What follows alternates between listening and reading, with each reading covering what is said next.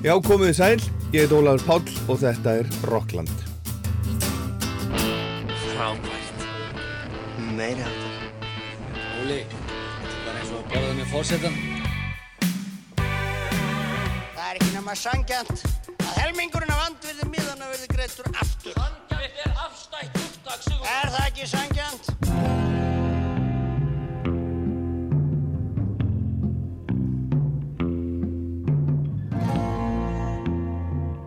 Í setni hluta þáttarins kynnust við nýri íslenskri hljómsveit sem heitir Brek, heyrum nokkur lög sem sveitin tóku upp á fámennum tónleikum í Norræna húsinu núna fyrir skemmstu. Þetta er svona folkband, spilar akustíska þjóðlaga tónlist sem er á að jápa líkt sveitinu við spilverk þjóðana, heyrum í Brek hérna síðar í þættunum en við byrjum á Guðmundi R.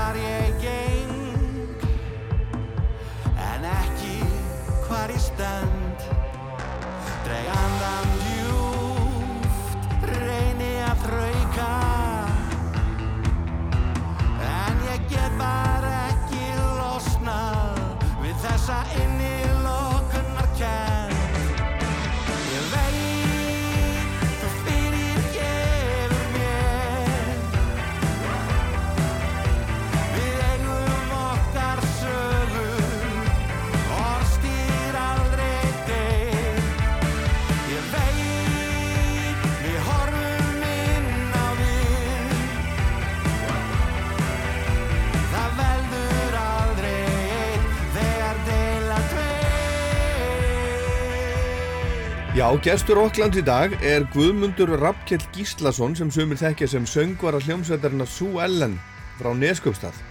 En hann sendi fyrir skemmstu frá sér þriðju soloplötuna sína. Hún var plata vikunar hérna á Rástöðu, fekk ágætt að dóma hjá Andri og, og Arnar Eggert. Við ætlum að heyra nokkuð lög af plötunni í þættunum í dag og ég ætla að spjalla við Guðmund. Eitt af lögum plötunar er eitt af mest spiluðu lögunum á, á Rástöðu um þessa mundir titilægið Saminaðu sálir en þetta lag sem við heyrum hérna er fyrsta lag plötunar sem að hlustendur ásat 2 fengu að, að heyra Guðmundur er heima hjá sér í Neskóstað Sæll, Blessaður sæl. hvernig hefur það? Ég bara hefða mjög gott þakkaði fyrir en þú. Já, alveg ljómandi. En hérna, hérna við byrjum á því kannski sko, um hvað að syngja í þessu lagi, dag og nýr Já, þá er ég raun að syngjum það að hérna, maður vonar alltaf bara að þegar maður vaknar á mótni að það verði góðu dagur. Og stundum verður hann það og ef maður er svolítið ákveðin í það að verði góðu dagur þá verður hann það. En það, það getur alltaf ímestett komið upp á sko. Bæð, bæði í lífinu og líka svona vinskap fólks og slíkt sko. Já, en þú vilt meina það að maður hafi þetta svolítið hendi sér hvernig dagurinn verður? Já, það er svona, svona þema sem ég kem inn á líka í öðrum lögum þarna. Já, að ég vil svona svolítið meina það að maður sé e, svo, svolítið svona ein, sin eigin gæfismiður, maður get ekki ekki alltaf kent örlögunum um. Það sé kannski ekkert sem eru beint örlög sko, en það eru það er, það er, svona, það er óhefni sem að maður getur hent. Það, það eru erðir og sjúkdómar og þú getur orðið fyrir bíl og þetta sko. En ég held að við ráðum svolítið meira um það hvernig okkur gengur almennt og hvernig dagurum verður heldur en sumir vilja meina sko. Já, og gerir þú eitthvað, eitthvað sérstakt til þess, notar, notar einhver svona triks eða Ég- ég- kanntu einhver triks til þess að, að, að svona dagurinn verði betri? Já, ég, ég hérna, hef lengi notað eitt triks að ég, hérna, ég skrifa mjög oft niður uh, uh, svona markmið bæði til skemmri tíma og lengri tíma. Og ég skrifaði alltaf semst, í núti eins og þessi er búin að gerast. Skilur Ah, Nei, segði nei. þá, þá, þá, þá, hérna, þá staðin fyrir að ég skrifi sko nú ætla ég að láta mig líða vel í dag eða semst, hérna, þá, þá skrifa ég mér leið vel í dag eða Já. ég ætla að gefa út plötu á næsta ári þá skrifa ég ég er búin að gefa út plötu og hún fekk góða dóma skilur Já, og þú bara gerir þetta alveg skamlaust? já, ég er búin að gera þetta í mörg ár Já, já, og hérna, já, já hefur virkað. Já, veist að þetta, þetta, þetta svínvirkar vegna þess að ég rakst nú fyrst átt í eitthvað svona business book þegar ég var að reka eilsbúð og var að reyna svona sjálfmenta mig í viðskiptafræðum. Já, þá komst ég að því að þetta er, er, er, er sko markmiðasetning er mjög mikilvæg og bara við það að skrifa markmiðið niður það færið þið alveg bara tíu sinni nærðum heldur en þú gerir það ekki.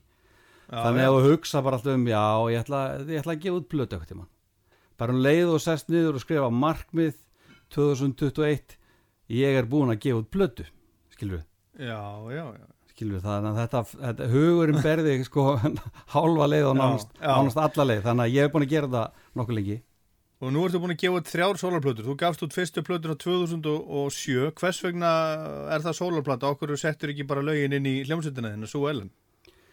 Já, það, það var rauninni, ég var búin að semja töluvert á lögum sem ég fannst ekki bara beint passa inn í súalinn. Þetta voru svona lástæmdari lög og svona, svona trúbótoraleg og án að ég væri neitt að stefnaði að verða trúbótor þá var ég líka að halda trúbótora hátíð og, og svo trúði ég halda reynis fyrir því vinni mínum og trúbótora að ég væri svona alltaf að pæli því að gefa út sóloflutu Já, og, og hann svona svolítið neytti mitt að spila eitthvað fyrir sig og, og sagði svo að hann, hann sagði, veist, ert að pæli að gera út svona popplötu, svona súalenplötu og ég sagði, nei, ég held ekki hann sagði, nei, það var til að gera veist, bara svona lástenda trúbátarplötu þá er ég til að hjálpa þér, mér finnst þetta vera þannig tónlist Já, já. það var rauninni, þannig að mér fannst mér fannst það þegar ég var að semja það og líka bara samfærist um eftir að Halli hlusta á lögin að þetta væri ekki súalenlög þannig séð. Og, og, var Halli sagt með þér á þeirri plötu? Já, hann, hann var upptökustjóri á plötunni og undirbjóna með mér líka, hjálpaði mér eh, veist, við að þróa lögina eins og náttúrulega með textana og annað slíkt og svo var hann, var hann upptökustjóri fyrsta skipti sem að, og kannski ég er ekki alveg viss sem hann var upptökustjóri hjá öðrum tónlistamanni. Já. Herðu, en gummi, það sem að, það sem að ég e, þekki til þín, þá er nú svona frekar bjart yfir þér. Já, En þú, en þú ert að syngja um, um, um margt dögt á þessari nýju plötu. Já, til dæmis, dæmis eitulifja nöslu í, í, í læginu Eilífa nótt. Já, einmitt. Ég hérna, mér er svona na- eiginlega lífsins ómögulegt að semja texta bara eitthvað út í loftið. Ég verð helst að hafa eitthvað svona fyrirmynd, frétt eða, eða eitthvað atvikið eitthvað sem hafa gerst annarkvort í mínu lífi eða lífi annara, lífi vinna minna. Og til dæmis þetta lag Eilífa nótt, það var, það var til og sá texti var til eftir ég horfði á Kastljósviðtal við móður sem heitir Hildur Hólfríði Pálsdóttir. Þar sem hún var að lýsa því að hún hefði mist dóttur sína úr ofneislu læknadóps og bara inn á heimilinu sko. Og þetta viðtal hafði bara svo mikil áhrif á mig, mér fannst þetta svo náttúrulega ótrúlega átakanlega og sorglega saga en samt einhvern veginn svo mögnuð. Það var svo skrítið því að móðurinn Hildur lísti því að hún hefði sko litið inn til dóttur sinnar á morgunin ára hún fór í vinnuna og fannst hún eitthvað svona liggja skringilega og tóka fram að hárið hún hefði verið eitthvað skrítið. En hún hugsaði sko hérna semst, ef hún er dáin þá get ég ekki gert neitt í því þá breyti það einhver en ef hún er bara sofandi þá ætla ég að leiða hún að sofa áfram. Og svo fór hún í vinnuna. Svo kom hún aftur heim uh, eftir vinnu og leiti inn til dóttur sinnar. Og, hérna, og þá lág hún í sömu stellingu og hárið jafnskritið og, og var látin úr og stórum skamti kontalgens og mér, þetta á margan hátt er þetta náttúrulega svakalega átakanlega saga, þetta er sönn saga og þetta er einhvern veginn kveikt á því að, að ég samti þetta lag og þennan texta. Og svo tölvört löngu setna þá hafði ég samband við hana Hildi og fekk leifi til að segja þessa sögu, ég er búin að vera að segja hana þessi svona á tónleikum og við tölum og, og leiðin að heyra lagið og fekk samtiki fyrir þessu. Þannig að þetta er svona dæmið það hvernig svona eitt texti og lag verður til. Og það er bara mjög sent hvað kveikir á kveikir á þörfinni til að semja texta sko. Veist, yfirleitt er ég kannski semja lög svona bara að þess að vera kannski alltaf að hugsa beint um textan og lögin getur orðið til að þess að sé eitthvað svona kveikja eins og þarna sko. En oft er það veist, eitthvað svona sem gerist bara sem, að, sem bara bingo svona bara allt í unni já herðu þetta, þetta kallar á texta þetta kallar þetta er saga sko sem að veri gaman að segja og jafnvel geta haft jákvæða áhrifi með sko. Vist, ég er búin að vera að segja frá það líka að Hildur er með forvarnafræðslu hún er búin að vera að fara í skóla al algjörlega aðdáðanavert að segja sögu sína og sögu dóttur sinna til þess að reyna að koma væg fyrir það að, að börn lendi í þessu að, að deyja, ég menn hún var bara 15 ára gömur, gömul dótturinnar, Alma og hérna og var búin að eiga eitthvað að tryggja fyrir á sögu. Og bara á 12 ára, á 12 ára var hún byrjað að neyta veist, það byrjaði í hassi skilur eins og hjá flestum og svo leiðist þetta út í sterkar efni og hún var búin að vera edru og, veist, og svo bara svo bara skilur við það þarf ekki nema eina pillu sko og, og þetta svo kallar læknadóp er ofta ekkit læknadóp þetta er bara dóp sem er búið til af fíknefnarsölum og það stendur kontalgen einhver veist, x milligram og svo getur bara verið eitthvað allt annað í töflunni sko. Eða miklu, miklu sterkara, já, ok. Þau er náttúrulega trúa þessu sko, dílarinn er náttúrulega bara besti vinnurinn sko og trúa öllu sem hann segir sko en, en hérna en það sem er náttúrulega, þetta er bara náttúrulega bara að kæfta þig sko. Þú veist, þetta er ekkert, er ekkert, þetta er náttúrulega bara eitur. Og maður sér bara, þú veist, þetta leiðir alltaf í eitthvað meira og, og sterkara og, og endar yfirleitt bara, já, á einn veg sko.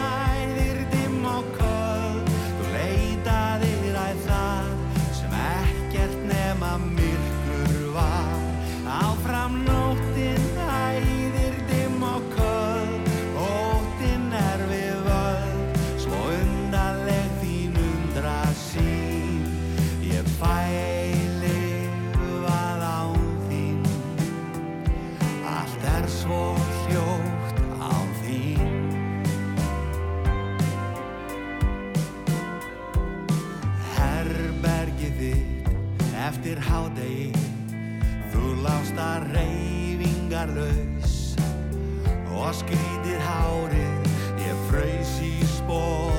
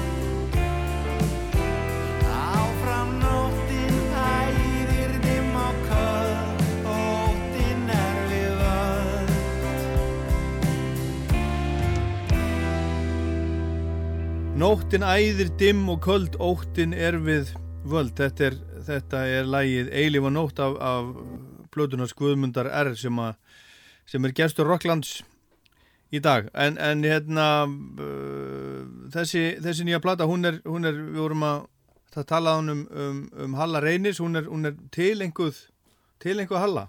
Já, hún er til einhver minningu Halla. Ég var, var náttúrulega bara alveg svakalega sorgmætur þegar hann dó og hann náttúrulega fjall fyrir eigin hendi eins og hefur komið fram.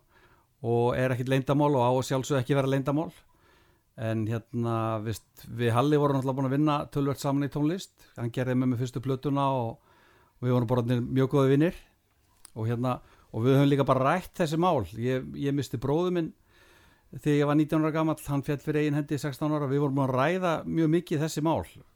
Sjálfsvík ungmanna og, og, og ég var með lag og þar síðustu blötinu minni sem að sem að, sem að fjallar um þessi málefni líka og hérna og ég var búin að hitta Halla ekkert svo laungu áður en þetta áður hann dó og hérna ég ger mér ekki grein fyrir að ég, ég ger mér grein fyrir að hann er leið illa og hann var, var ekki, ekki vel fyrir kallar því hitt hann síðast. En hérna en maður mað gerir sér aldrei grein fyrir því að, að ástandi sé orðið svona slemt og fólk sé orðið svona, svona veikt sko. Þannig að mér fannst það bara alveg ræðilegt þegar hann dó og hérna ég var langt komið með plötuna og hérna og það bara, ég var bara ákvaða strax og að ég myndi vilja tilenga honum þessa plötu. Það er annar góðu maður uh, með þér á þessari, þessari plötu uh, og er, er, er þín hægri hönd og, og á hérna, hérna nokkur lög, Jón Ólarsson og, og, og það er nú, nú einn e, e, snillingur, það hefur kannski ekki verið nóg gert úr því, hann er, hann er alveg ótrúlega fjölhefur og flinkur, hann er, hann er lagasmiður, hann er náttúrulega nýdönsk, hann er frábær píjónleikari, hljómsveitastjóri, upptökustjóri, hann er í nýdönsk, uh, hann er í sjónvarpinu að fingurum fram og með, með þá tónleikaröð, hann er útdagsmaður, virkilega bara merkilegu náingi.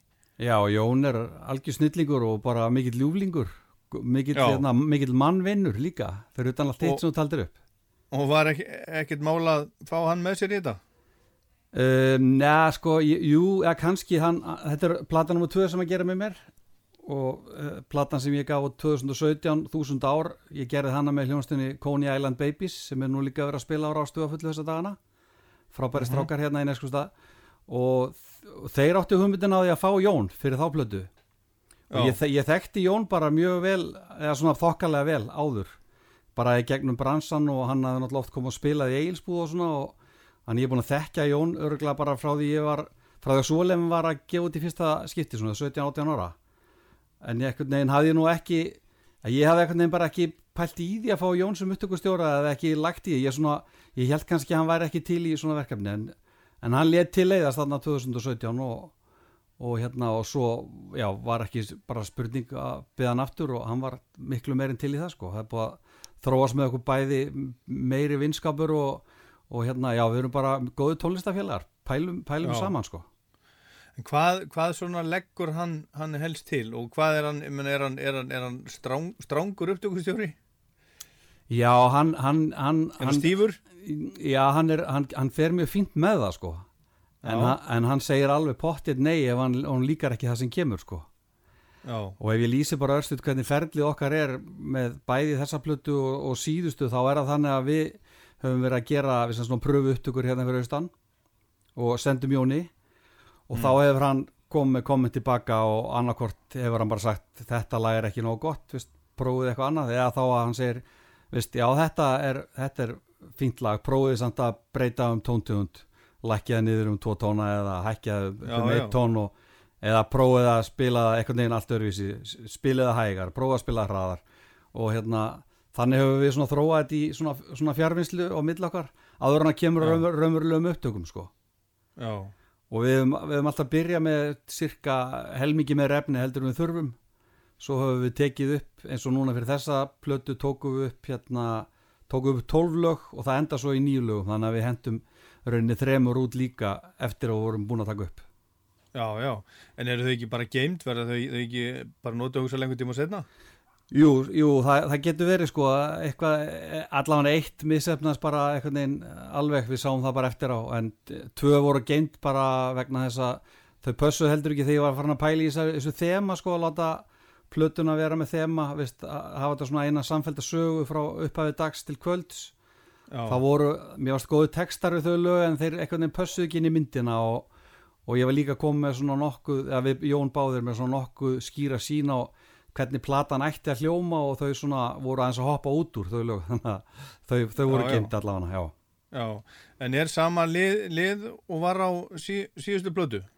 Nei, ekki alveg, þeir eru, þeir eru með mér tveir og Coney Island, Babies, Hafsteinn Már, bassalegari og Jón Knútur Ásmundsson, trommulegari þeir þeir eru með mér núna og Jón Knútur er nú bara fyrir utan Jón mín hægri hönd. Við, við vinnum þetta mikið saman. Erum svona félagar í þessu ég og Jón Knútur, trommari og kann ég honum bestu þakki fyrir, hann er svakalega góður hérna, góður hérna, eh, segja samstagsmaður í tónlistinni. Mm. og líka bara í markasetningu og öllu þessu.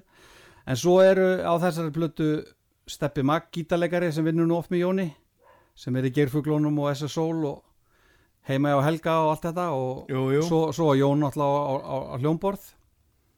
Og svo var það Bassi Ólafsson sem að sem að hljóðblandar og masterar og svoleiðis og hann grýpur líka í slagverk já, já, og svo er þarna, svo Hilduvala rattar og Bubi Mortens syngur með mér einu lagi þannig að við erum Já. ekki fleiri sem erum að gera þetta þessu, þessu sinni sko Mhm. Já, jú, Gummi Jóns, hann á líka eitt lag á plötinu og hann spilar í því lagi Já. og, og rattar og, og gerði ímislegt akkurat.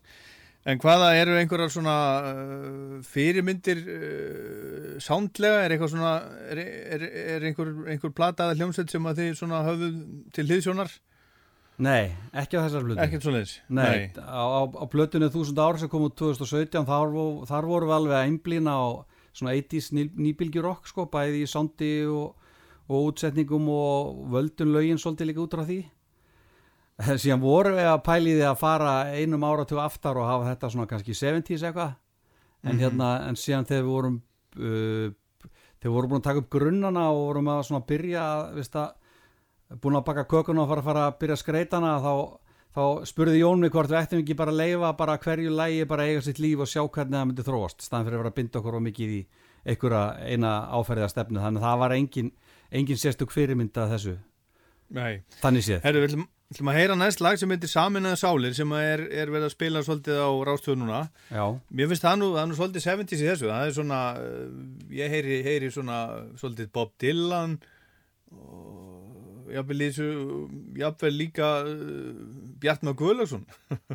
já, já, akkurat það, já, ég er alveg sammálaður það, þú, það má heyra þetta út úr þessu lægi og mér finnst líka svona svolítið count- country í því, jafnvel sko Eitt vinnu minn saði við mig hérna, Gummi, þú þoldir aldrei ígúls í gamla dag, þetta er nú orðið svolítið ígúls hjá þér.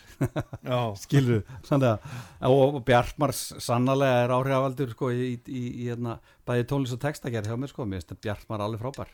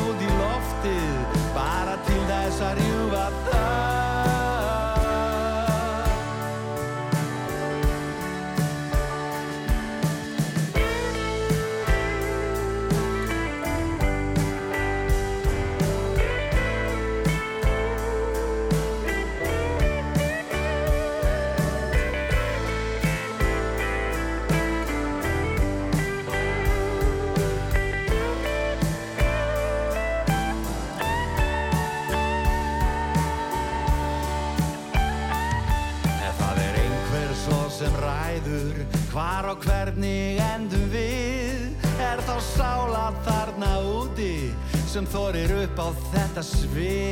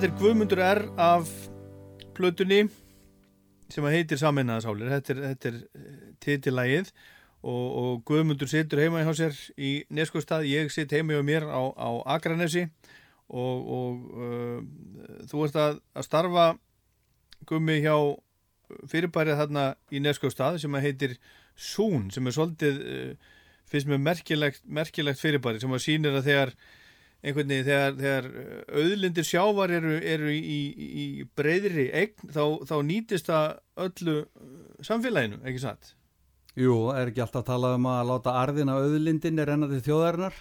Jú, er það ekki, er það ekki svo, svolítið þannig sem að, sem að gerist hjá, hjá þessu, þessum félagskap sem að heitir Sún? Jú, þetta Sún stendur fyrir samfunnufélag útgerramann á Neskjöpstað og stutta útgáfan á sögu félagsins er svo að þetta er samfunnufélag sem er stopnað 1932 af litlu útgerramannunum í Neskjöpstað. Afið minn var einn af þeim og margir, margir fleiri. Og þeir voru að rýsa upp gegn okki sko, auð, auðvalds þess tíma sem voru kaupmenninir.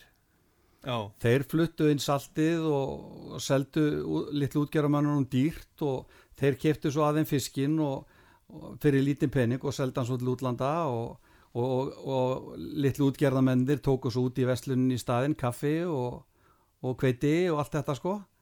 Og þeir, þeir gáfust upp á þessu og það var, að var að vera okra allt á mikið af þannig að þeir bundust þessum félagskap uh, til að byrja með til að, til að flytja inn salt eða kaupa stóran saltfarm. Já, og svo, svo þróaðist þetta félag út í, út í uh, hérna, fiskvinnslu og útgerafélag og var bara stort félag og síðan 1957 þá stopnar Sún ásand fleirum en var samt stæst eigandi þá síldavinsluna HF í Neskjöpstað sem að allir þekkja í dag sem er eitt af stæstu sjárótusfyrirtækjum landsins. Og Sún á ennþá uh, 11% í síldavinslunni Já, og þannig fær Sún uh, þegar velgengur í sjárótvegi góðan arð af e hlutabrjónu sínum. Og að því að Sún var stopnað sem samvinnufélag, það er ekki hlutafélag þá eru félag, eiga félagandir í Sún engan rétt á að fá arð eða neitt slíkt, þegar þú átt bara þinn 20 skatt sem þú leggur inn í félagi þegar þú gengur í það, getur Já, fengið meira. Þú getur fengið það tilbaka Já. og þú hættir í félaginu. Þannig að ef það er hagnaðar á félaginu þá þarf félagi að nota það í, í einhverja starfsemi eða, eða deila henn út í formi styrkja og góðra málefna. Og það er það sem að Sún er að gera mikið hér í Neskostad já.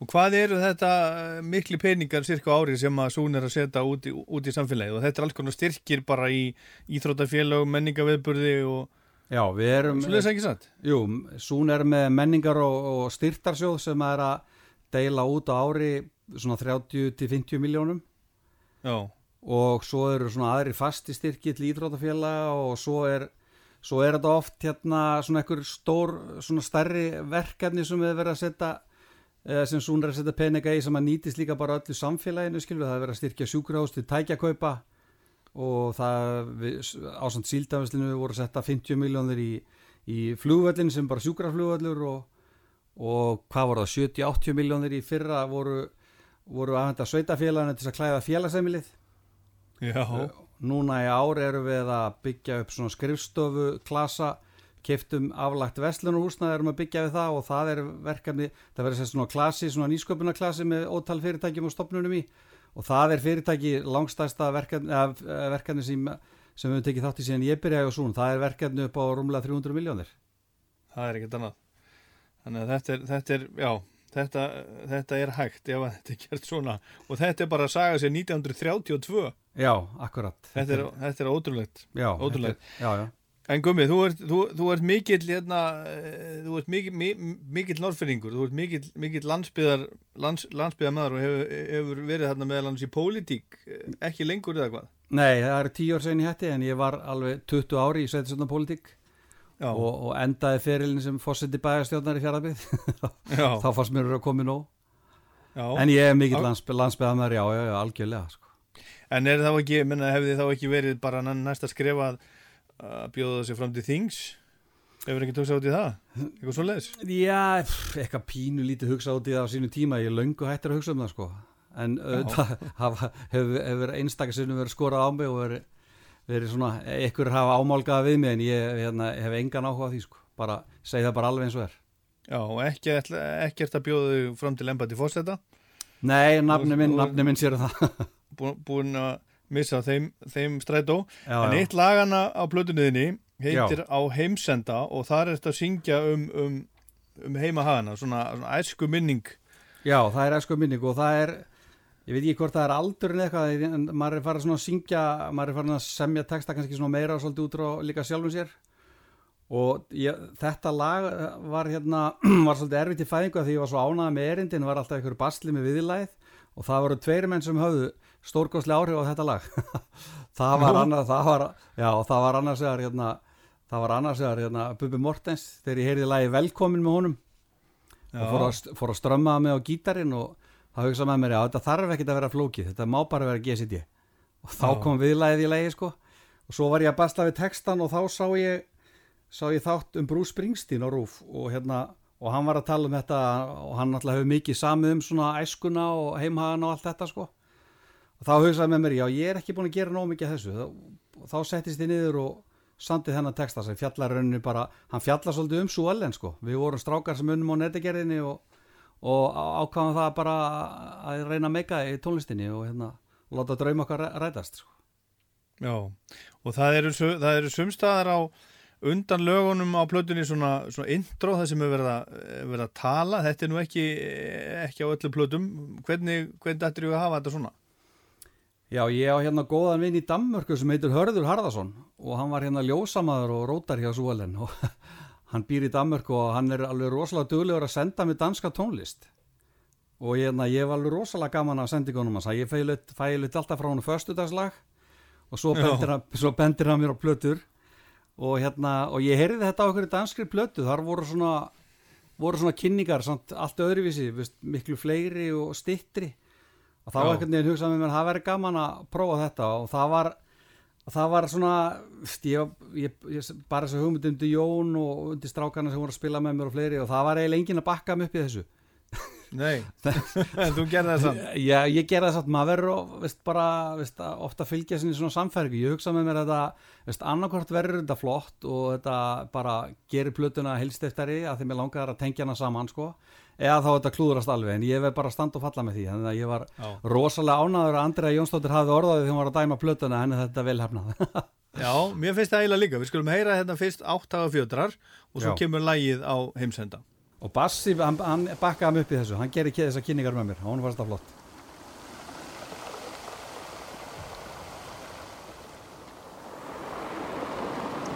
Já, það er ekki gott að segja. Jú, ég held það nú að það gefur auðvitað leið að líf mitt hefði náttúrulega orðið allt öðruvísi ef ég hefði flutt hérðan ungur. Áttaga fjötrar? Nei, ég held að það sé nú orðum aukið. Áttaga ást kannski frekar eða eitthvað svoleiðis. Áttaga kærleikur. En kannski eitt góðan veðurdag, maður veit ekki. Maður á aldrei að segja aldrei. Þó ég hafa oft sagt aldrei.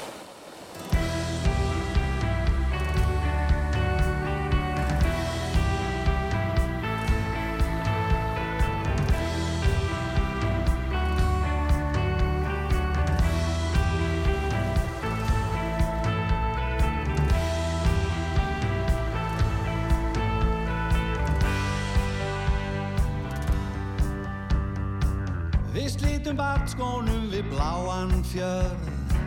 Þar blessa lokni hló Sumir í fiski, aðrir út á sjó Við strákarnir með draumana.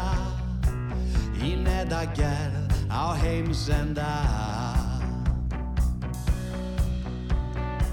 Við drukkum vodka, sumir reyktu hass. Rúnduðum títt og ótt Við áttum markmið sáum leiðina með sigur brós og æsku þrótt fullir af þrá um sumar nótt Engin annar reyt okkar sögu Engin nýtti okkur af stað. Því að lífið það býður ekki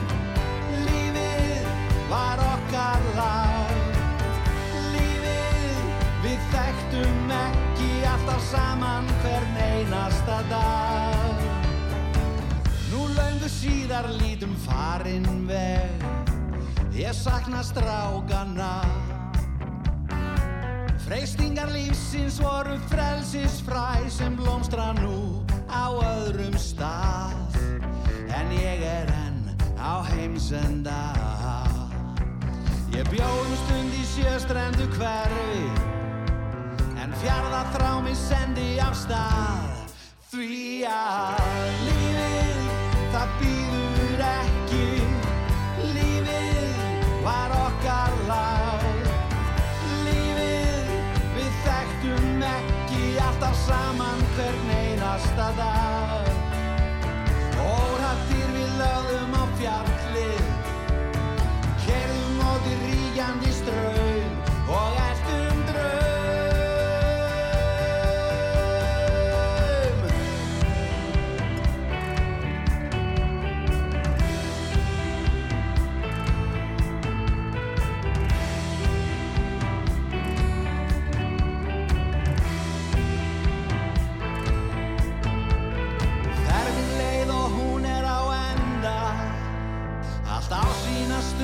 og sinn stað Því að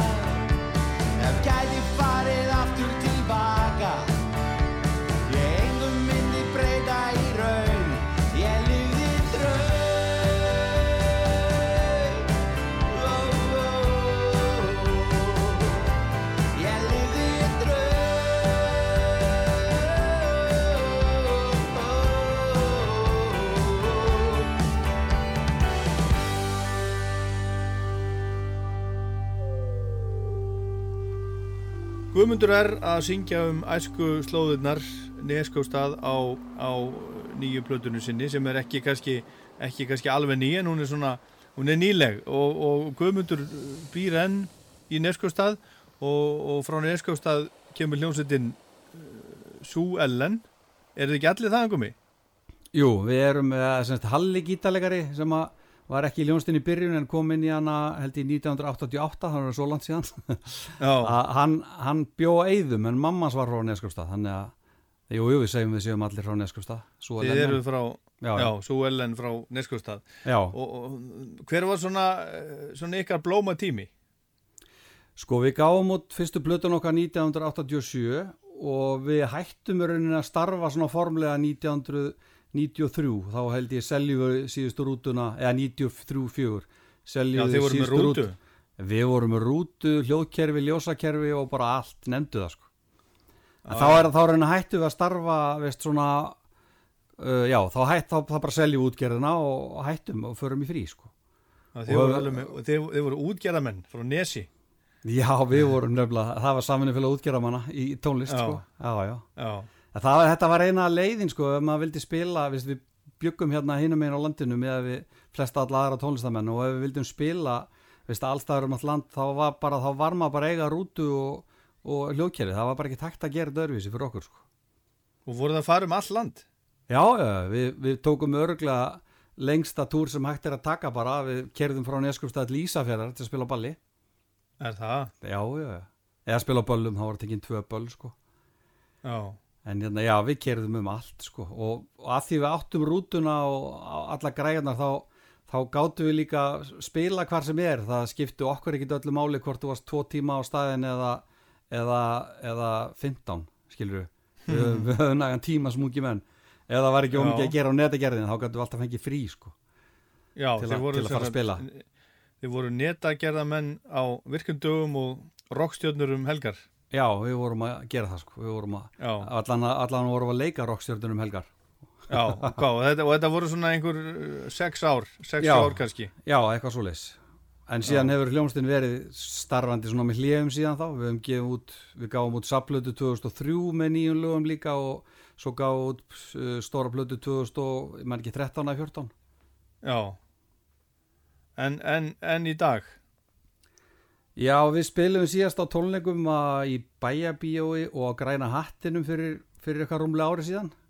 Já, og hérna og hljómsveitin hefur ekki spilað síðan þá og þá rauninni sem ég hef svo sem ekkit opinberað en er ekkit leindamal en þá svo rauninni sagði ég starfi mínu laus í Súelen allavega í Billy já, já, og hérna og það voru nú nokkrar ástæði fyrir því meðal annars fannst mér svolítið vont að vera í þessu sólóstúsi og vera einhvern veginn líka með Súelen svona svolítið hangandi yfir mér. Strákandi kannski með mikið áhuga á að alltaf að gera eitthvað og tala um að fara að gera eitthvað og ég var bara að gera annað sko. Já, og einhvern veginn og svo, svo hafa veist, afkostin bara í hljómsveit sko, þetta er mjög erfið hljómsveit að því leiti að við búum tveir í Neskjöpstað einn á Söðakróki einn í uppsveitum Söðurlands og einn í, í, Garðabæ skilur, þannig að það er opbáslega erfitt, erfitt. Já, opbáslega erfitt að æfa veist, taka upp ný lög, gefa út plötu. Þannig að veist, ég var bara að semja svo mikið efni og, og veginn langa að koma í frá mér svolítið hratt að hérna, hugsa með mér ef ég ætla að finna því farfi með hérna, æsku ástinni minni Súel en þá, veist, þá kem ég bara út og það eru tveir aðra lagahöndir í ljónstíðinu þá, þá koma bara út tvö lög eftir mig á næstu tíu árum eða, eða fjögur já, já. En, en, en, en er hljómsveitin sem sagt, hún er, er, er hún komin í gröfina bara? Nei, nei, alls ekki sko, ég, alveg, alveg örglega ekki, ég, veist, mér, mér finnst sko hérna, það getur engin einn ákveð að leggja hann í hljómsveit, þannig að ég, ég sagði að ég vildi bara taka mig fríð að hætta þegar ráða hvernig er, hvernig er tólka það sko, en ég kvatti það bara, veist, eindreið til að halda áfram og hérna, og ég vona þeir gera það, það er, það er engin söngvaraskortur í Súalen sko, þeir, þeir eru tveir þarna frábæra söngvarar fyrir þetta mig og hérna, Já, já. og kannski gera þeir eitthvað, skilur án mín eitthvað, ég veit það bara ekki, þeir eru ekki Já. búin að ákveða held ég. En þú varir ekki eh, til að halda áfram samt bara svona í róliheitum með, með þeim líka? Jú, alveg öruglega eitthvað tíma sko. ég er bara í öðru núna og neginn og tók þessa ákvörðun og hérna og hérna tími verður bara að leiða það í ljósi þeir hann ábygglega ég hef bara farið í eitthvað skamtíma fílu sem er rjúki, úr mér Já. og ö- öruglega gerum það líka sko. En hvernig tóku þeir þessu, þeir, þeir félagaðinu? Þetta er náttúrulega langu tími sem þið hafi verið svona saman þó þið hafi ekki verið að gera neitt kannski ofsalega mikið. En þá er hefur hljómsveitin, þú veist, verið til öll þessi ár. já, já, já, og hérna þeir tóku svo bara með jafna geði og bara söðust bara virða mín ákvörðun og, og skilja mig að sumu leiti en svona báða mig bara um að hugsa málið og hérna og hérna og sen höfum við svo sem ekkit ekkit rætt þetta þannig síðan þá þó við höfum allir, allir hist Já. svona bæði sundur og saman sko. Mm og, og félagskapurinn og vinskapurinn hefur ekkit, ekkit breyst við þetta sko, ekki neitt. Já. ekki hvað mér var það allavega sko Herðu, heyrum hérna áður en við höldum lengra, áður en við heyrum fleiri lög af, af, af plötunni, heyrum hérna eitt lag með Súellan, ég ætla að lefa þér að velja það. Já, ok, wow Erfitt að velja. Ég, ég held við um að taka bara vinsasta lag svo vel en allan samkvæmt Spotify, það er eftir Steinar Gunnarsson bassaleikara og Bjarnar Tryggva textahöfund sem að samtu nú marga texta fyrir okkur og þetta er eh, oft kallað munnörpuslagari, þetta er bara flott rock poplag með æðisleiri munnörpu sem Siggi Sig spilar. Og þetta er semst lagi ferðan enda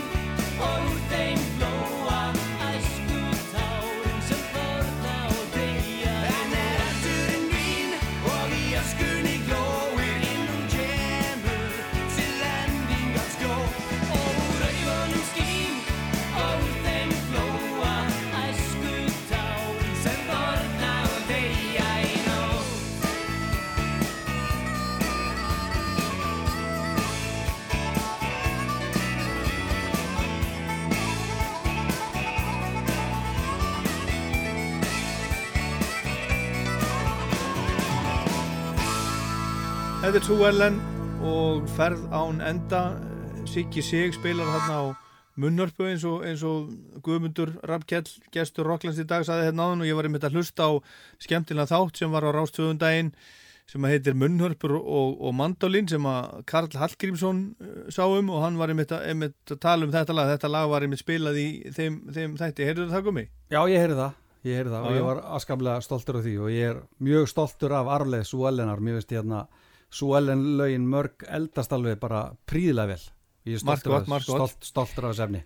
Já, heyrðu, en aftur að nýju plötunniðinni, mér finnst svolítið mér finnst svolítið uh, svona uh, bubbi á plötunni, þú var- varst nú að tala um hann á hann, er, hann er mikil fyrirmynd. Já, já, Bubbi er mikil fyrirmynd og, og ég hérna bara segi það alveg óhygga mér veist hérna íslenski tónlistamenn verður svolítið svona rægir við að nefna Bubba átt sem áhrifavald ég menna hann er langstæsti áhrifavaldur okkar kynnslóður í poppi og rocki og trúbótaratónlist, það er bara það er bara það, mér það ekki, ekki verið neitt feimnismál. Ég menna það er ekkit feimnismál að Beatlanir og Rolling Stones eru mikli áhrifavaldar sko. Ég skil stundum ekki íslenska tónlistamenn sem að er að minnast á áhrifavald og minnast ekki á Bubba. Ég bara skil ekki hvernig það er hægt skulur. Já, Hann er ótrúlega stór. hann er ótrúlega stór og hann gerði bara mikið og hann gerði ekki eitt skilur en ég menna hann gerði mikið fyrir breytti íslenskri tónlist og, og, og íslenski texta gerði ekki síður og hérna, hann og veist, þessi, þessi trúbátorar sem ég lít svo mikið upp til hafa haft mikil áhrif á textagerð íslenska sko. Áður voru menn já, kannski með svona léttværi texta og voru náttúrulega kannski ofta þýða erlenda texta og annað slíkt sko. Þannig að Bubbi er áhrifaldur en ég er samt held ég sér samt ekkert að reyna að stæla Bubba. Það er, mér veist ég ekkert vera Bubba legur þannig séð en ég menna hann er áhrifaldur og, og ég, hérna, ég hef hlustað mikið á hann sko, mjög mikið Já, já. Og hann kemur nú hann við sögu á, á plötunni. Það er reyndar á, á, á fyrstu sólumplötunniðinni er reyndar lag eftir, eftir Bubba. Já, það, það er lagi Au- au- au- Augun mín. Já, Við tókum það að Jakob Smári Magnússon var að spila á með mér á þeirri blödu og mér langaði alltaf að hafa eitt bubbalag bara svona til þess að heiðra hann á blötunni og, og Jakob kom með þá hugmynd að taka þetta lag í þeim hraða sem hann segir að Bubbi hafi samið það í því að Kristján Falk hann spýtaði svo rosalega upp á frelsiti sölu sko, það er þetta alveg skilur hann vil meina Bubbi sandi hennar bassafrasa þetta hefur verið miklu hægar Já, hann, samt, að- hann, hann samdi lægið á bassa held ég. Já, einmitt, einmitt, hann samtilega á bassa og hérna, og Jakob stakk því að mér og mér fannst það góð hugmynd og, og ég reyndi nú aðeins að fá, við að fá Bubba að syngja með mér í því lagi 2007 en hérna, Já. en hérna hann sagði aldrei nei, en hann sagði ekki já heldur svo fekk ég Magna. Magna okkar Áskjesson til að syngja með Já. mér í því. Og Rockland heldur áfram hérna eftir, eftir smá stund og heyrum við betur í Guðmundi R og í þjóðlega hljómsveitinni Breg. Hello, this is Gaz from Supergrass, and you're listening to Rouse Talk on Rockland. Bye bye. Já, þetta er Rockland á Rást 2 og gestur þáttarins í dag er Guðmundur Rappkjell Gíslason frá Neskaupstað og við erum að hlusta á lög af blöðurnans sem er þriðja sólurplatanans sem heitir Saminnaðar Sálir og við vorum hérna áðan að tala um að hann hefði reynd að fá Bubba Mortens með sér sem gerst á fyrstu sólurplötunum sína fyrir rúmum áratug en það varði ekkert úr því. En þú fjast Bubba með þér á nýju plötuna Já, til akkurat. að syngja lag sem að, sem að hérna, fjallar um Alzheimer. Hérna, af hverju, hverju fjast hann í, í, í þetta, þetta tiltegna lag? Já, það er, sko, það var þannig að textinn að þessu lægi er, er svona samin uh, í minningu mömmans Halla, gítarleikari Súalinn, hún var lengi veika á Alzheimer og er, er lifandi þegar ég sem lægið og sem textan og hérna þannig að við Halli unnum þetta lag svolítið mikið saman. Og ég er á varðinni búin að gefa Halla lægið og hann var búin að gera að því pröfu upptöku heimi á sér og hafði í, hu- í huga að, hérna, að fullgera það bara sjálfur. Og hérna hvort sem að ég hefði sungið það eða bara einhver annar söngari sko. Og svo Mhm. vorum við Jón Ólason búin að vera svona vorum að spá í, Jón ég langaði svolítið að hafa þetta á síðustu plötu undan svo gerðum við það ekki og svo kom, komum við aftur að þessu lægi núna og, og ég hafði sambandi við Halla og spurði hvort hún væri sama ég tæki lægi af honum. Já. og auðvitað sagði hann það verið lægi að ég átti lægið og hann var ekki búin að klára það en eitt þannig að ég bauð bara Halla að vera með mér í læginu og hann spilar hérna sologítar í læginu og, og hann sta- stakk upp að því. Hann sagði hérna, gummið þið bubb eru nú ágætis kunningjar og, hérna hverju færði ekki bubb allir að syngja hérna perlu með þér? Og ég bara, já, herru, það er frábær hugmynd. Ég skal bara tekka á því en var ekki droslega bjart sérna á að bubbi myndi kveikja á því, sko, að það væri til í það bara. Ég kannski bjósti það að hann myndi ekki segja nei en ekki heldur já. Já, eins og síðast. eins og síðast. En hérna, en Bubbi var bara rosalega jákvæður og sagðist bara gera þetta fyrir mig, fyrir okkar vinskap og bara fyrir hálft orð. Já.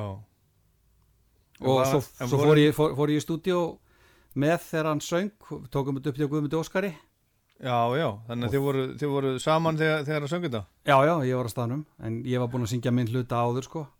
Og ég Já, gaf Bubba, Bubba líka bara svolítið frýtt spil sko, hann er bara hérna í lægið og, og ég sagði reynda við hann, ef þið líst ekki á lægið þá er, ön, þá er ég náttúrulega með átta annu lög og vilt heyra sko. Og nei, nei, hún leist bara mjög vel á lægið og, og ég leiði hann líka bara ráða hvað hann myndi syngja í og svona, hann náttúrulega var fljótur að spotta það út að það færi vel að hann tæki viðlægið á móti, Mó- og ég tæki erindin sem ég finnst bara að koma vel út, þetta er ekkit ósvipað og, og við gerðum í súalen sko þegar Steina var að syngja viðlægið í konu og ég að syngja erindin Mhm. þannig að þetta er þetta, þetta passar rauninni bara ótrúlega vel finnst mér og Já. mikill, mikill heiður að fá að syngja lag með Bubba sko, það er bara já. gamall draumur sem að maður held kannski er ekki veruleika já, já. En af hverju heitir það Perla? Það er að því að veist, ég er að líka allsami sjúklingi við hann svona hverfur inn í sin eigin huga svolítið, skilur eins og gerist í, með allsami náttúrulega mjög mismunandi hvernig hann lýsir sér hjá fólki en þannig er ég að lýsa konunni mamma Salla við Perlu sem er semst lokuð í sin, inn í sin eigin skell Herðu, en á undan læginu á, á plutunni talar Sigmundur Ernir Rúnarsson. Hva, hvaðan kemur það?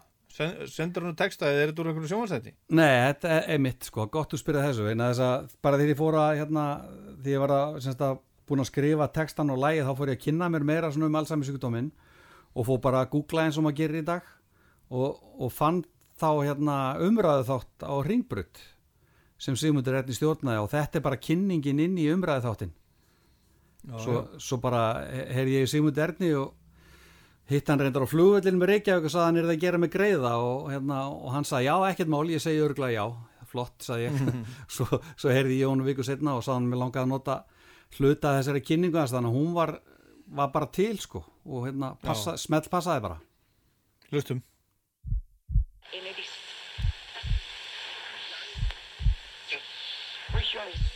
Það næstu mínútur um Alzheimer sjúkdóminn en einn af hverjum þremur öldruðum Íslandingum glýmir við þennan ílvega sjúkdóm á sínu síðasta æfiskeiði. Það virðist ríkja ákveðið andvarleysi út í samfélaginu hjá kerfinu, ríkisvaldinu, gagvart þessum erfiða, persónlega sjúkdómi sem uh, reynir mjög á mörg heimil í landinu, ekki bara á hverjum degi heldur allan sólarhingin.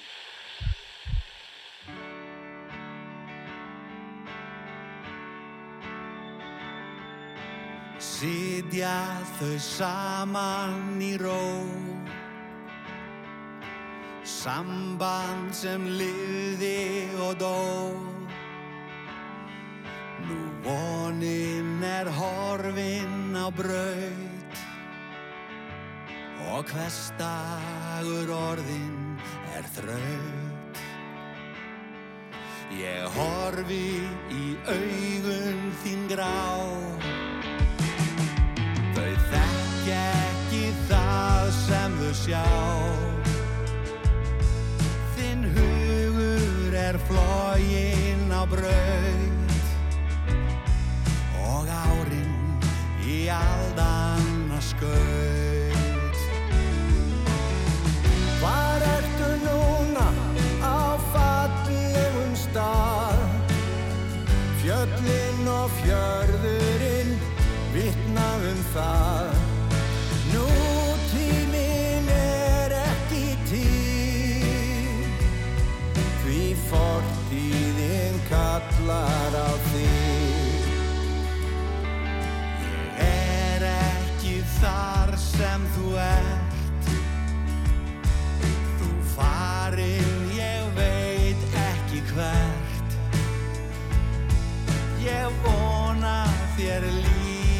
something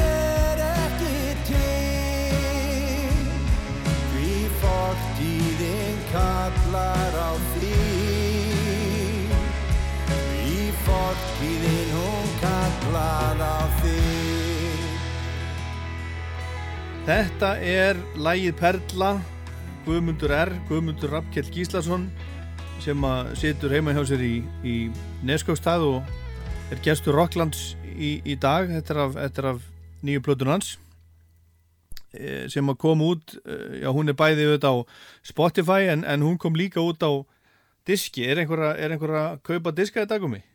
Já, það er fullt af fólki að köpa diska maður, það kemur óvart Já. og hérna ég er bara, ég ákvaða, reyndar að setja ekki búðir núna að gera það fyrir þreymar árum og hérna þar var ekkert að selja smikið þannig að ég hef bara selgt hana sjálfur bara beint frá bíli bara Já, mest, já.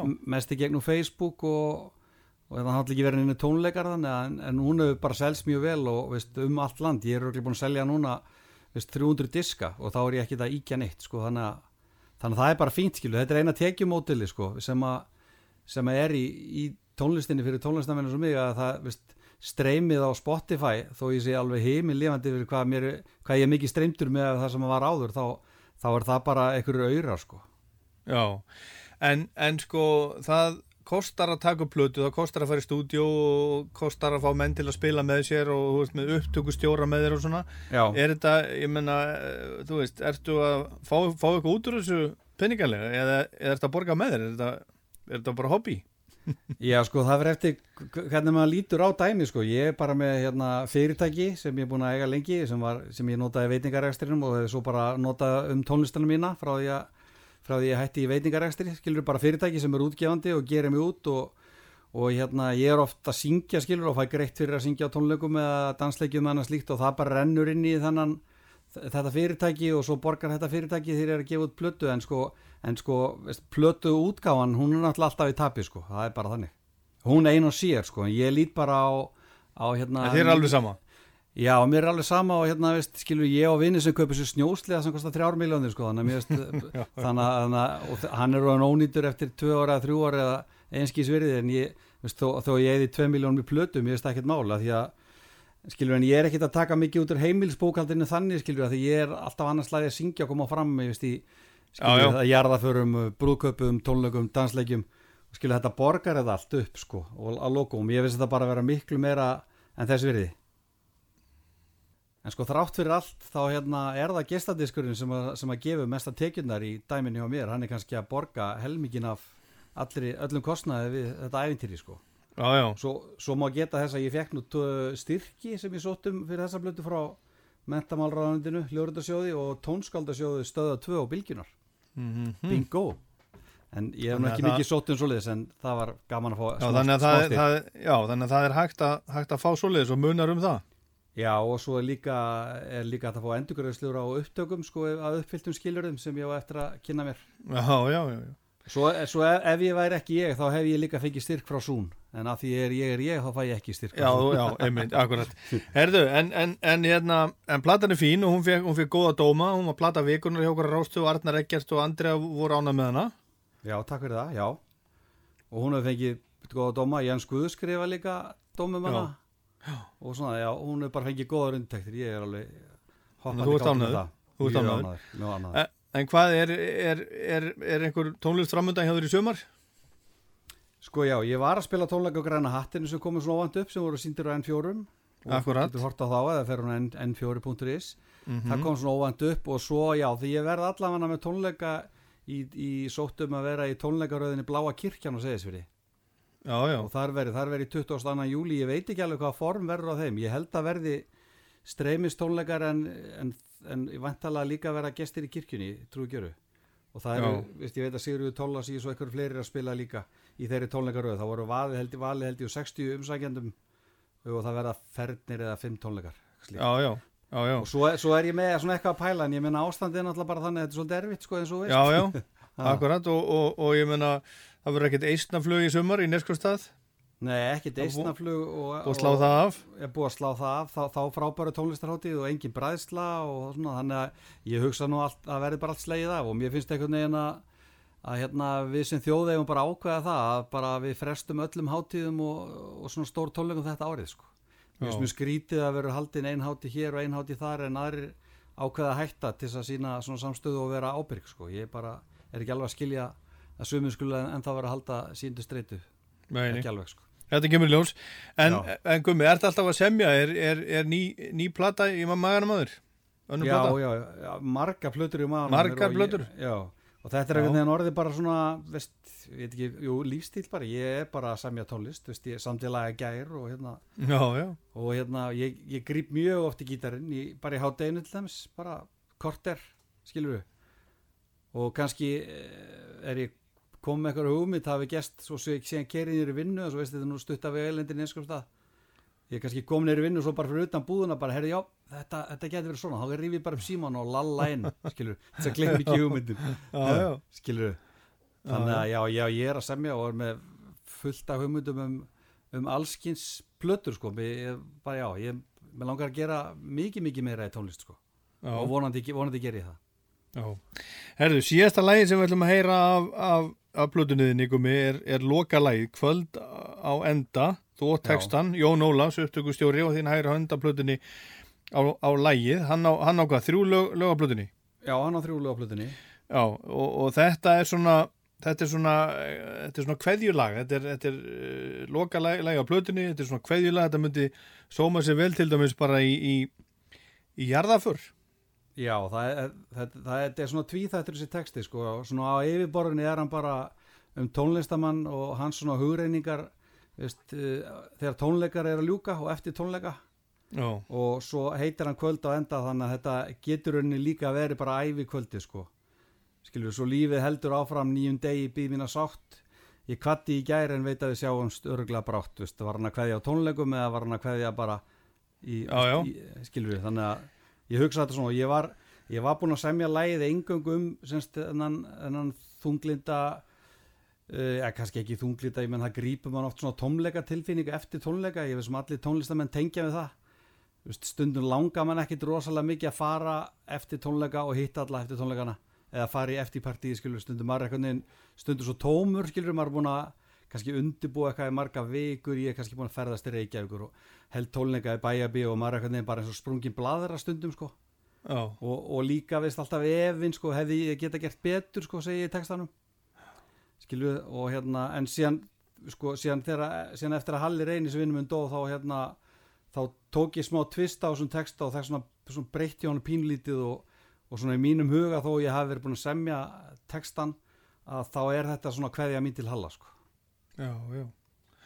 Ég samti texta og lag og hérna og, og mér fannst uh, þetta var síðasta lagi sem við tókum inn á plötuna og hérna og mér, lagið mitt var svolítið öðruvísi það var, það var svona svolítið bubbalegt og ég spurði Jón hvort að hann væri til að prófa að semja nýtt lag við textan Já, já. sem, að, sem að hann gerði og hérna og Jóns hefur sagt mér og hann segir það að ef hann tengi við textan þá sé hann fljótur að semja lag Já. og mér fannst lagið hans Jóns bara miklu betra heldur en mitt þannig að textin kom fyrst í þessu tilviki. Já. Herðu, við skulum heyra þetta eh, Guðmundur Ramkjell Gíslason, takk fyrir spjallið. Takk sem leiðis Og gleðilegt sumar. Já, gleðilegt sumar.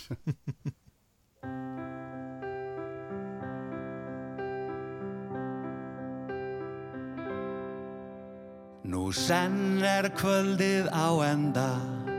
Ég vona þið séu sátt Ég veit ei hvar ég mun lenda Því fallið er stundum hátt Með allan þennan fjölda. Fyrir framann mig Þið sjáu mig öll svona ljósum brítan. Ég kem ekki auga á þig Því ljósinn mig oftast blinda og mér finnst sem ég standi einn. Ég einmann að verð en það sér það ekki neitt. Hefði ég geta gert betur, fór ég stundum of geist. Það hefur svo margt á mörgum árum þróast áfram og breyst. Ég gerði mitt allra besta, undir bjó mig á allan hátt. Þið rísið úr sætum með tár á kvarmi, ég kveð þetta líf í sátt. Nú kvikna ljósin í salnum og baksvið stend ég einn. Svo fegin ég er en það sér það ekki neitt. Svo lífið heldur áfram nýjum degi býð mína sátt.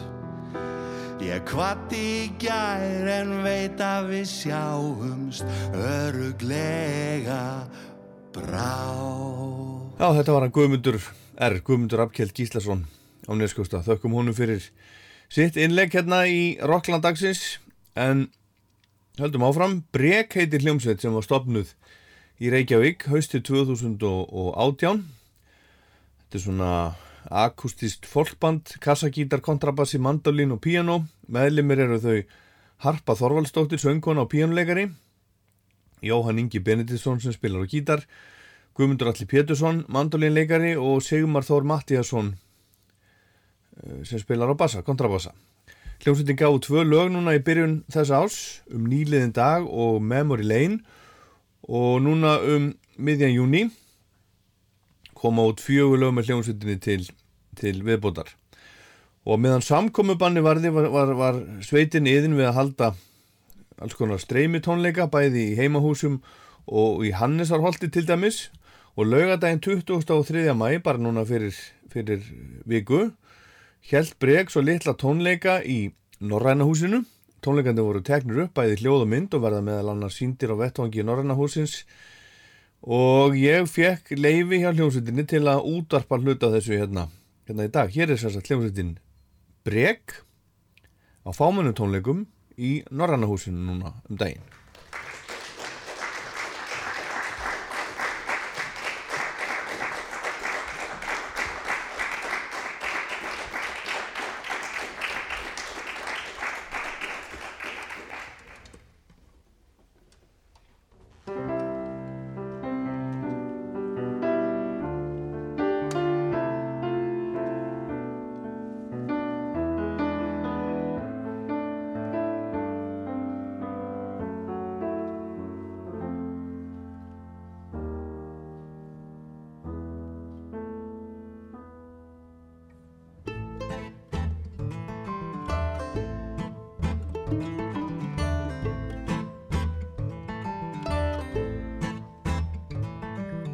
Morgundöggin sefur rót Allt er hljótt í enn en nót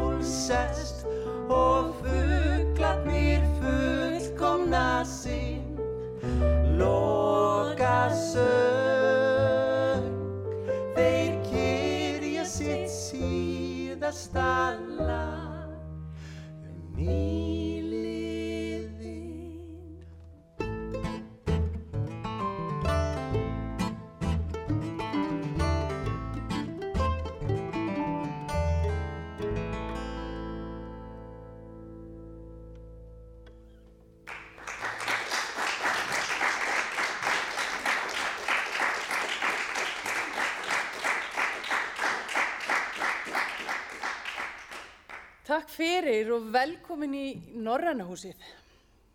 Við erum hljómsveitin Brek og við ætlum að spila nokkuð lög hérna í dag. Og það er ágætist tilbreyting að fara að spila fyrir fólk aftur. Það er langt sem við gerum það síðast. Þetta var lægið um nýleiðin dag sem við tókum upp í, í vetur.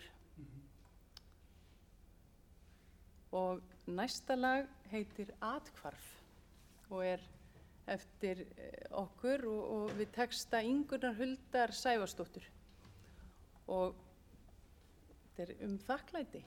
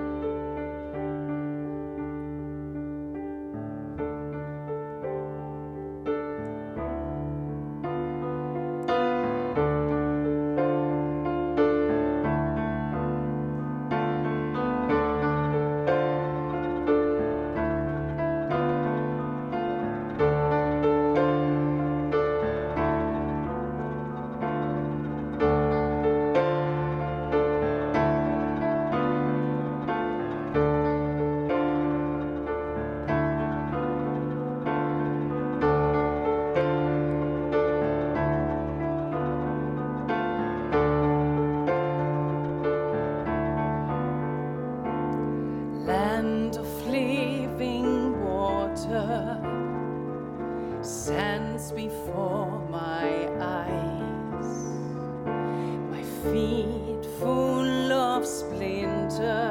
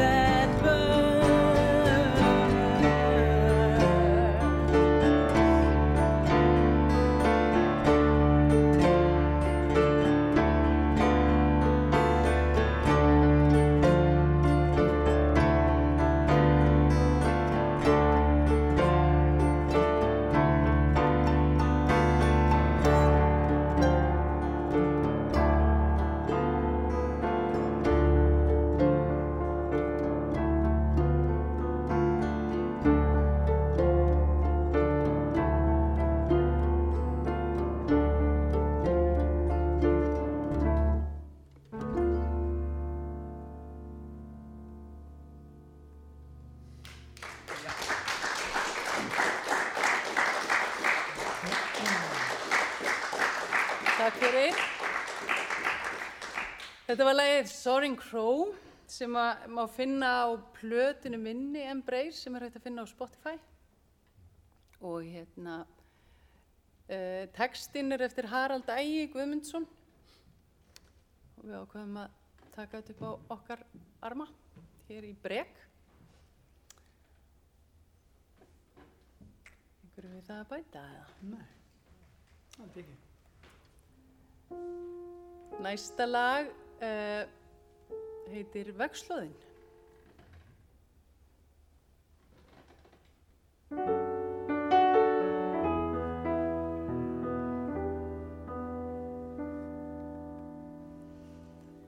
Tikkar og tífar klukkan sem slær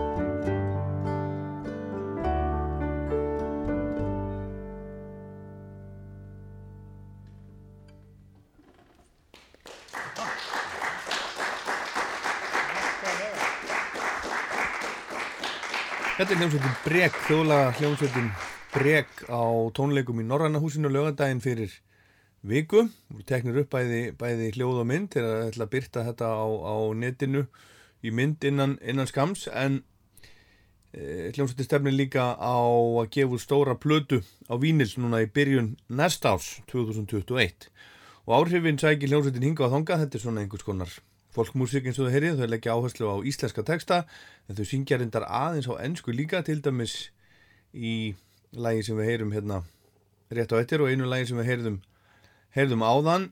Og eins og áður sagði þá finnst sumum þeir heyra samhljóm með breg og spilverki þjóðana Breg ætlar að spila eins mikið og hægt er á næstunni og næstu tónleikar verða á hinnum nýju opnaða Kaffi Rosenberg á samt Svavari Knúti 50 daginn 4. júni næstkomandi 50 daginn í, í næstu viku en Kaffi Rosenberg er að opna það sem Fríða Frænka var áður á Vestlugötunni en skulum halda áfram að hlusta á, á Breg í Norrannhásinu En næst ætlum við að semja, semja, ætlum að Já, við ætlum að spila- semja lag. Við ætlum að semja lag, við ætlum að spila lag sem fjallar um fyrirbyrði sem að við Íslendingar þekkjum og að vel. Lagið heitir Vetur Rýmis. Þetta var samið í vetur. Við erum í fegin að þessi vetur er búinn, allavega ég. Mm.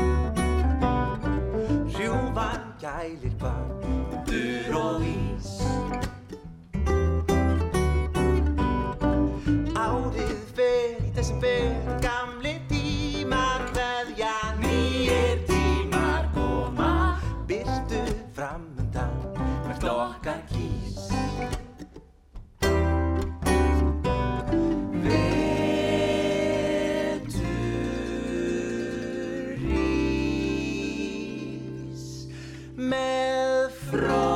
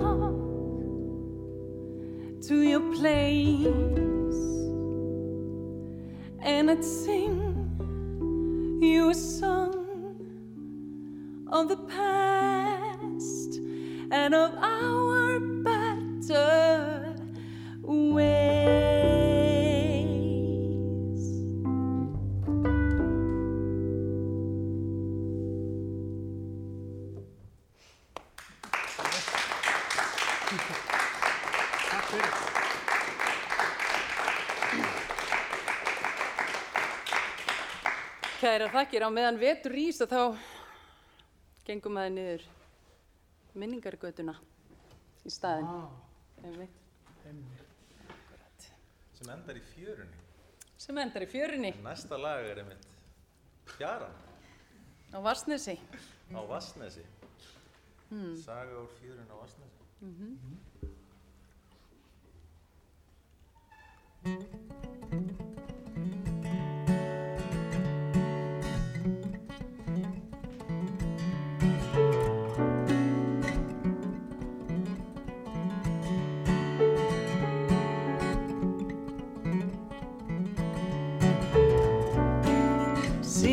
steini á. Fugl í fjöru Grasið er grænt og fjaran er á Ránd í saugu smá. Mæn á markið Mæla sín skref bráðinn frá. Nú hefst dans Tango lífsins og dauðans Hvernig fer. Milli guðs og ans og dans barist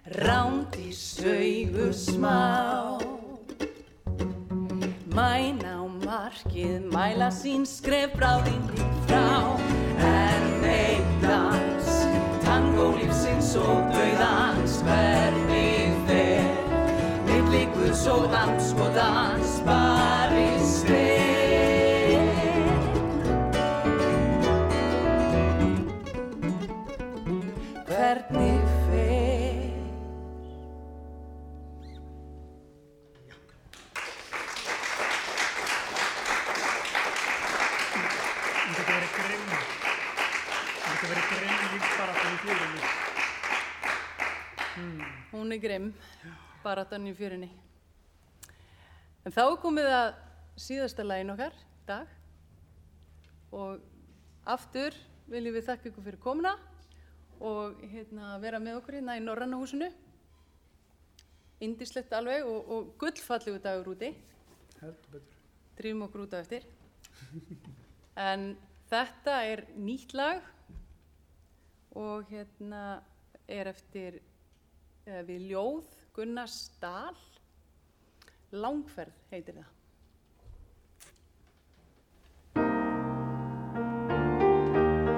Og á þessum tónum líkur Rocklandi dagsins hljómsveitin Brek í Norranna húsinu lögadaginn fyrir viku. Við ætlum að setja þetta á, á YouTube innan skamsan þið getur tekkað á þessu líka, líka þar, bráðum. Ég fekk sérstætt leifi til að spila þetta hérna í dag. Og Gísli Káur Kristjánsson, hann tók þetta upp og hljóðblandaði. En ég minni á Rockland á rúf.is og í spilarannum þar sem ég geti alltaf hlustað. Og geti alltaf hlustað líka á podcast á iTunes og Spotify. Til dæmis fullt, fullt, fullt, fullt af þáttum. Ég heit Ólaður Páll. Takk fyrir að hlusta